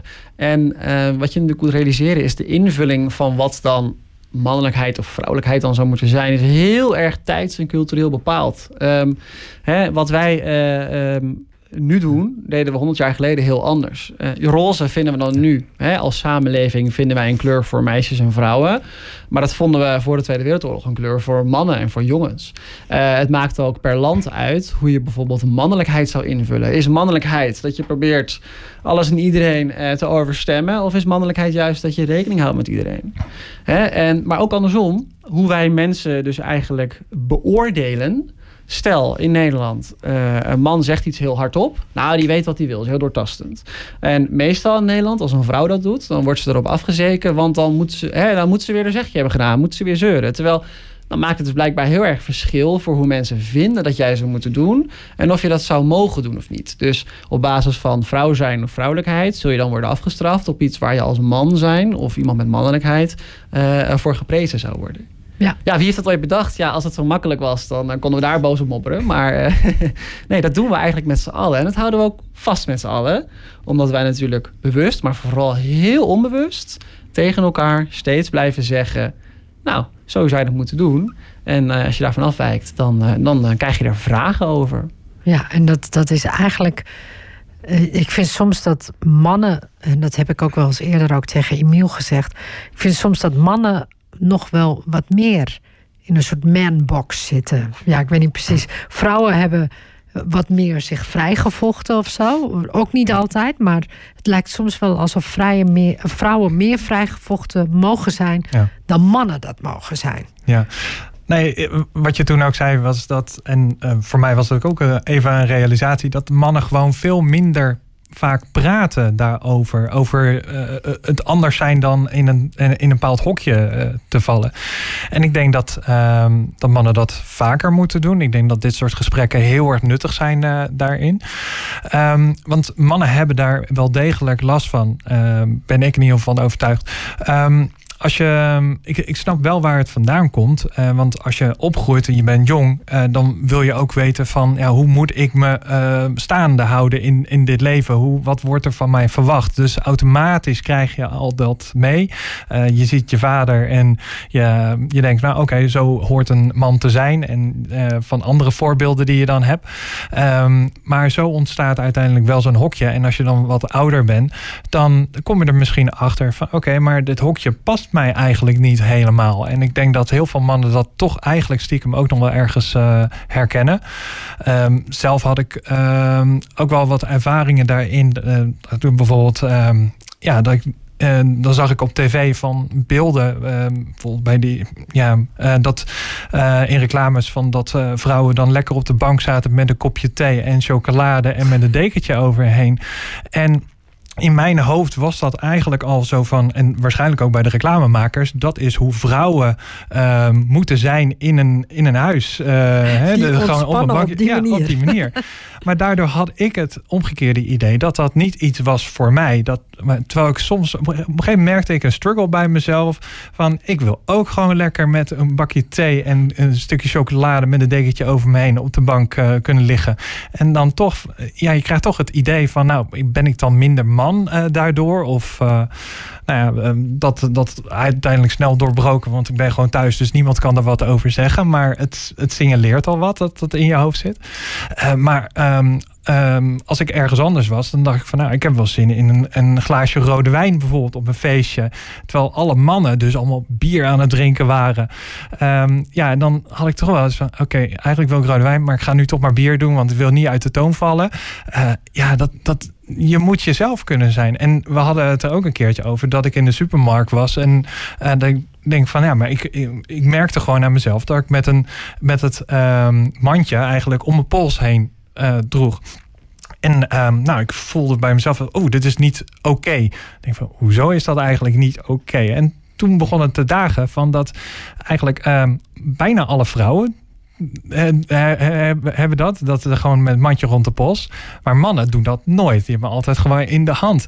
En dat zijn dingen daar je ineens bewust van wordt. En denkt van, hé, hey, maar dat mag dus niet. En als we nog even een brugje doen naar veganisme. um, Doe dat vooral. ja, um, uh, je, als we kijken naar ons ledenbestand. Uh, dan uh, zien we daarin dat gewoon 70% van de veganisten uh, identificeert zichzelf als vrouw. En um, dat is raar, want mannen kunnen net zo goed compassie voor dieren hebben. En ik denk ook dat ze dat ook echt wel hebben. Uh, maar vlees bijvoorbeeld wordt heel erg gekoppeld aan mannelijkheid. Alle reclames die je ziet, dan ja, let er maar eens op. Um, Alle barbecue reclames. Absoluut. Alle barbecue reclames. Altijd een man die aan de barbecue staat. Je mm -hmm. ziet niet zo vaak een vrouw aan de barbecue uh, in een reclame. En um, ja, dan merk je toch echt wel ook in gesprekken met mannen die uh, wel of niet veganist uh, zijn, uh, dat ze toch echt die struggle voelen van ja, dat, dat het toch een stukje um, gaat tarten aan hun mannelijkheid, is dan in ieder geval de perceptie als je dus geen vlees meer zou gaan eten. Ja, absoluut. En dat is zonde. Dat is echt, echt dat zonde. je hier gelijk in hebt. Dus ik bedoel, ik kan meteen mijn eigen vader als voorbeeld nemen. We proberen al eeuwen om hem minder vlees te laten eten. Nee, die man die, die nou, hij is inmiddels 75. Maar uh, nee, hij trekt dat absoluut ja. niet. Want ik wilde jullie eigenlijk vragen: hebben jullie ook kinderen? Ik heb geen kinderen. Geen kinderen? Uh, nee. Ook niet. Nou ja, ik dus wel. En het viel mij gewoon op dat ik heb twee zoons. En het viel mij op dat ik dus de. Uh, ja, of twee kinderen moet ik zeggen. Het viel mij op dat ik dezelfde fouten maakte als die mijn ouders maakten. Um, of dezelfde dingen deed zoals mijn ouders.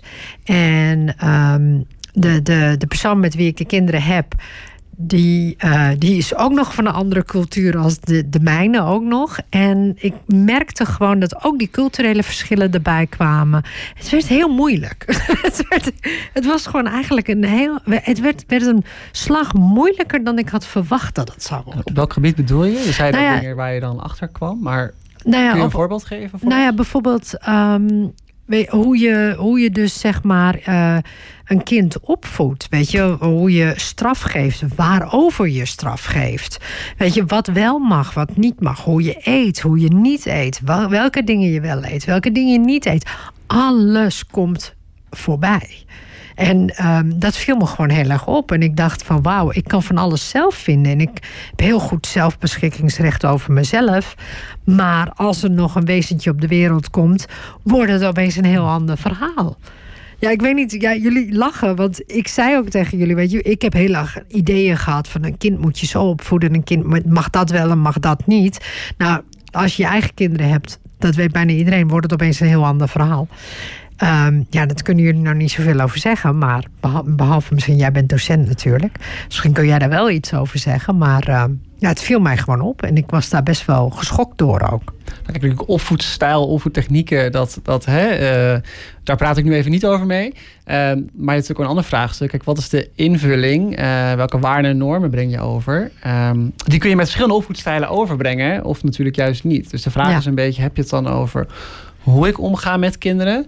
Uh, of heb je het over um, wat wil ik overbrengen? Ja, nou ja, maar het is dus heel veel dingen zijn dus niet zo bewust. Daar kom ik, kwam ik dus heel erg achter. Ja, dat veganisme en al die gendervraagstukken gaat ook precies over al het onbewuste. Het, uh, het is ja. zo, maar alles wat je doet is zo onbewust. En weet je hoe je hoe je, je kinderen leidt en dergelijke. Dus ik, ik was me daar wel heel erg bewust van op een gegeven moment dat ik dat dus ook deed. In hoeverre ik dat ook niet wilde. Ik deed het wel. Weet je, ik heb één kind die heel erg van auto's houdt. En, uh, en ik dacht, ik heb echt geprobeerd om niet auto's te doen. Maar dat lukte niet met de ene. Met de andere ging het beter. Maar met de ene ging dat totaal niet. Dus het leek net alsof ik hem per se als een jongetje moest opvoeden. En weet je, de vader, de, de, persoon met wie ik de kinderen heb, die vond ook dat ik hem zo moest opvoeden. Dus ik was best moeilijk. Want je, je, uh, je, je, onbedoelde waardeoordeel is dat het een jongetje is nu die met auto's speelt. Mm -hmm. Terwijl een, een, auto, of mee spelen of naar kijken, misschien hou je wel van raceauto's, ik weet het niet. Uh, dat kun je leuk vinden of niet, uh, zonder dat dat iets voor mannen of iets voor vrouwen hoeft te zijn. Tegelijkertijd, ja. wat je ook zegt, hè, jij hebt bepaalde mogelijkheden die je wel eens niet tot aanbieden. nou, heb je dan een kind alle mogelijkheden geboden of niet. Uh, daar zijn we niet bij geweest. Hè? Dus daar, kunnen we, daar hoeven we ook niet over te oordelen. Al waren we nee. er wel bij. Dat, daar hoeft niemand over te oordelen. Uh, wat je niet moet vergeten natuurlijk. Is, jij bent niet de enige die invloed heeft op jouw kind. Ik ben docent. Ik zie soms kinderen veel vaker en veel langer dan die ouders dat zien. Hè? En zij zien vooral elkaar veel vaker en veel langer. En naast elkaar vooral de, de, wat ze op social media allemaal tegenkomen. Dus het is heel... Ja, dus je kunt het niet allemaal zelf doen. Ja, dat, dat doet het niet in je eentje. We doen het ja. met z'n allen. En daarom gaan de vraagstukken die we bespreken... of het nou veganisme is of gendervraagstukken... of seksualiteit of wat dan ook... gaat eigenlijk over hoe wij als samenleving daarmee omgaan. Omdat wij als samenleving elkaar tegenkomen... elkaar uh, beïnvloeden, afstraffen als we willen dat het anders gaat complimenteren of hè, passief toelaten als we vinden dat het goed gaat. Maar dat doen we met z'n allen. Ja. Wat mij wil Emiel inhaken. Nou, um, ik, kan, ik heb geen kinderen, maar ik kan me wel um, inleven in dat je uh, ineens een nieuwe rol gaat bekleden die je daarvoor nooit uh, hebt uh, bekleed. En um, ja, ineens moet je het maar doen. En ja, er wordt misschien geacht dat je alles weet, maar je weet natuurlijk in het begin ook helemaal niet. Hoe, hoe ben je nou eigenlijk een goede ouder? Wat, en wat ik wel heel erg goed vind, is dat je heel erg bewust bent daarvan. dus misschien dat je ouders een bepaalde opvoeding hadden waar ze zich gewoon onbewust gewoon misschien waren ze zich wel weer bewust van hun opvoeding die zij hebben gekregen. En ik denk dat in die bewustzijn uh, stappen eigenlijk daar wel de progressie in zit om te zien van oké, nou ja, de, ik, en zeker als je het zelf ervaren hebt hoe een, een bepaalde opvoedstijl is, dan kan je da dat zelf weer meenemen richting je eigen kinderen. Ja. En daarnaast de, de maatschappij verandert natuurlijk ook. Dus ieder ik denk misschien met de tijd dat er ook andere opvoedstijlen daarin misschien nodig zijn. Dat zou ook heel goed kunnen. Ja. Ja, nee, maar het, het viel me gewoon heel erg op dat ik dacht van wauw, weet je, het is toch ook wel interessant dat dat, dat, dat gewoon die extra laag is uh, die erbij is. Maar als we nu doorgaan hè, op uh, gender en, uh, en seksualiteit. Um, heb jij al een idee? Zou, weet je, zou jij ooit kinderen willen? Uh, nou, voorheen dacht ik niet. Uh, nu is dat wel een optie. Uh, of dat ooit gaat gebeuren, moet je me van een paar jaar weer vragen natuurlijk. Maar eh, stel, ehm, dat, dat is er. Ik bedoel, waar wil je zeg maar heen met de vraag die... eh, Ja, maar dan vraag ik me dus af hoe jij dat gaat doen. Ja, eh, daar kan ik natuurlijk niet over oordelen. En mocht ik in die schoenen komen te staan, dan ehm, nou, ga je eerst inlezen over hoe werkt een, een kinderbrein. Hè, om het even vanaf het begin te doen. Kijk, wat we ons moeten beseffen, ehm, even puur als socioloog gesproken, dus niet als, als, als nu ouder, hè, is. Ehm, we hebben natuurlijk al invloed op kinderen nog voor ze geboren zijn. Want de eerste vraag, dat zul jij waarschijnlijk beter weten dan ik. Er komt een kind in jouw leven. Eh, eh, is het een jongetje of is het een meisje? En dat eh, laat al zien hoe mensen gaan oordelen over wat jij vervolgens vertelt. Als jij zegt het is een jongetje en je voelt een schop in de buik, zeggen mensen misschien wel, nou, eh, een potig stevig kereltje, die, die komt er wel. En is het een meisje, dan, eh, oh ja, die, eh, die is een beetje aan het spelen. Of, ik noem maar wat. Hè? Ik bedoel, even, wat ik bedoel te zeggen is, wat er gebeurt, de perceptie die wij hebben van hoe kinderen zijn, wie het zijn, hoe ze zouden moeten zijn, is al meteen aanwezig, nog voor dat kind er is. Want welk kind dan ook wordt opgevoed in een samenleving waar al normen zijn. En waar al gedrag is wat wij zeg maar eh, wenselijk vinden en onwenselijk vinden. Maar dit is zo moeilijk om te stoppen. Ik heb daar echt over nagedacht. Het is heel moeilijk om te stoppen. Om niet in die kaders te denken. Of dat er mensen bij je komen die in die kaders denken. En die dus zeg maar zeggen: Oh, wat een leuk jongetje. Of eh, als het jongetje valt, zeggen van je moet weer opstaan en vooral niet huilen. Weet je, het is, het is zo. Ja, het wel of niet mogen huilen publiekelijk is Ja, eh, heel zeker. erg eh, gegenderd gegeven, absoluut. En daar zul je als jongetje of als man op worden afgestraft. Als meisje soms ook wel. Maar het Maar is wel sociaal, geac- precies, het is Precies. veel sociaal geaccepteerder. Soms word je er zelfs op afgestraft als je dat te veel doet. Hè, want dan ben je eh, zogenaamd te emotioneel en dat mag dan ook niet. Terwijl we zijn allemaal mensen met emoties, met pijn en met fijn. Hè, dingen die we wel willen en niet willen. Ehm, Ja. Maar hoe we daarmee omgaan, welke ruimte we dan krijgen, ja, dat, dat is heel erg cultureel bepaald. Eh, En zo moeilijk om dat ook zelfs als ouder, wat je dus ook precies zegt, weet je wat je net ook zei, van je doet het ook niet alleen. Er zijn heel veel mensen om je heen en social media. Maar ik heb ook wel gezien, als je meisjes complimenteert, dan zeg je meestal van wat ben je mooi. En als je jongens complimenteert, dan zeg je wat ben je slim. Dat, is, eh, dat viel mij ook op. Dus nu zeg ik heel vaak tegen meisjes: wat ben je slim? Weet je, als ik ze wil complimenteren. Want in plaats van wat ben je mooi.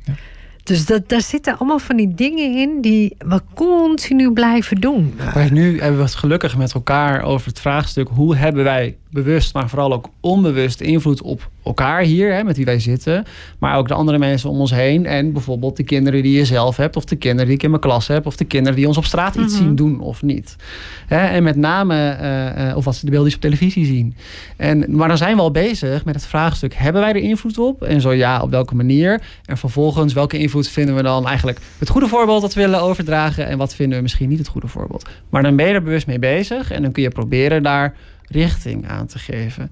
Maar ja, 9 van de 10 keer doen we dingen en zonder dat wij er bewust van zijn, heeft dat wel uitwerking op een ander. Ik weet even niet of het nou Emiel of, of dat jij het net was die dat zei, maar kinderen nemen heel veel over door te zien wat er gebeurt. Als er bij jou thuis bijvoorbeeld gerookt wordt, er werd vroeger bij mij thuis gerookt, eh, dan werd er wel gezegd, roken is ongezond. Dat leerde je op school heel braaf en dat kwam op televisie heel braaf en dat zeiden eigenlijk je ouders zelf ook wel. Maar wat je zag, was dat roken normaal was. En ook in andere huishoudens en in televisieprogramma's.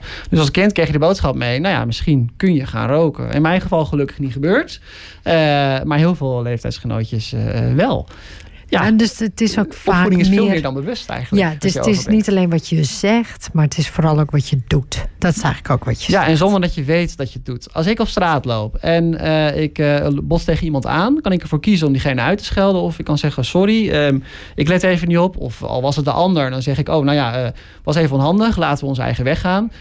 Stel nou, ik ga daar ruzie lopen maken. Omstanders zien dan, eh, eh, dat is ook een manier van een conflict oplossen. Hè, of iets heel groot maken wat niet groot hoeft te zijn. En zeker met het uiterlijk wat ik heb. Hè, mensen zien mij als een man. Dan kan dat wel eens heel intimiderend overkomen als ik tegen iemand ga schreeuwen. Terwijl Ja. het wel geaccepteerd is als ik ga schreeuwen ten opzichte van wanneer misschien iemand die als vrouw gezien wordt zou gaan schreeuwen. Ja, nu is het Alle van die hele onbewust. onbewuste manieren van eh, ehm, eh, ja, eh, boodschappen overdragen. Wat mag of moet iemand doen en wat mag of moet vooral niet. Ja, nee, ik begrijp het. Is, is er nog iets wat jullie zouden willen zeggen als laatste? Nou, volgens mij, jij wilde nog hebben, had je al gedaan, hè, maar over, over veganisme en, en het ziekenhuis. Wil je dat, wil je, was je daar klaar mee? Wilde je daar nog iets aan toevoegen? Nou ja, als mensen vinden dat je dus uh, ook gewoon plantaardig uh, wil eten, uh, kan eten in een zorginstelling of in een, um, in een ziekenhuis, en dan zou ik zeggen, ga ook zeker eventjes langs onze website, veganisme.org, en vind daar de, de petitie die wij daar bestaan, want we willen hem binnenkort gaan indienen bij, bij de ministeries. En daar kunnen ze sowieso ook meer informatie vinden over Absoluut. veganisme. Ja. Ja, ook heel goed. En, en wil ik eigenlijk op inhaken. Kijk, um, dat is blijkbaar bij degene die de beslissingen maken hè, in de ziekenhuizen. Uh, niet op, de, op het, hoe zeg je dat? Um, niet in hun referentiekader, niet op hun netvlies hebben dat uh, sommige mensen plantaardig willen eten, veganistisch willen eten. Dat heeft er dus eigenlijk mee te maken dat ze er misschien niet bewust van zijn. Nou ja, we hadden het net over gendernormen en hoe je dingen aan elkaar overdraagt en opvoeding. Maar dat geldt natuurlijk heel erg ook voor veganisme. Wat we eerder al besproken hadden. Emiel gaf al voorbeelden, je gaf zelf al voorbeelden. Maar we zetten televisie aan en bijna iedereen eet vlees. En, en eh, dan kun je wel hè, als ouders en als kinderen en als mensen met elkaar bespreken... nou, goh, wil ik dat? Maar het feit dat je erover na gaat denken... is dat iets wat uh, nu helemaal hoort? Of is dat iets wat ik dan eigenlijk ook wel wil? Die vraag aan stellen is best lastig als de hele wereld om jou heen hmm. het zo normaal vindt dat je allemaal vlees eet, dat het niet eens een vraag is om dat misschien anders te gaan doen. En gelukkig bestaat er zoiets als hè, de Nederlandse Vereniging voor Veganisme. Emiel als voorzitter is daar heel erg uh, zichtbaar in. Die uh, laat aan mensen zien, kijk ja, het zou ook best anders kunnen. Emiel is een levend voorbeeld. Ik ben toevallig ook een levend voorbeeld, maar dat weten mensen misschien niet voor mij. Hè? Ja. Dus um, ja, waar het op neerkomt, is je moet ook eigenlijk van anderen kunnen horen uh, uh, dat het misschien ook wel anders kan. En dan kan je het hebben over gendernormen, maar zeker ook over wat vinden wij ja, uh, normaal om te eten of te gebruiken. En wat vinden wij misschien dat ook een alternatief zou kunnen zijn voor wat we gebruiken en eten. Waar je naartoe wilt, denk ik, althans waar ik naartoe wil, is een samenleving waarin mensen niet automatisch dieren gebruiken, um, maar de optie krijgen. Nou, je, je gebruikt geen dieren en als je dat wel wil, dan is dat misschien een individuele keuze. Uh, maar het is niet de standaard. Ja, ik denk dat jullie dat mooi zeggen. Daar eigenlijk een beetje om. Ja. Ik zou zelfs nog toevoegen, als je denkt van het is mijn individuele keuze, mijn vrijheid om dieren te gebruiken. Denk ook eens aan de vrijheid van het dier zelf. Ja. Je hoeft nee, de keuze niet te maken. Ja. De dier wil ook graag vrij zijn. Ja, en ik, ik, vind het, ik vind het gewoon, blijf het gewoon goed bedacht vinden. En sowieso ook dieren hebben ook een wezen en een ziel en een. Nou ja, goed.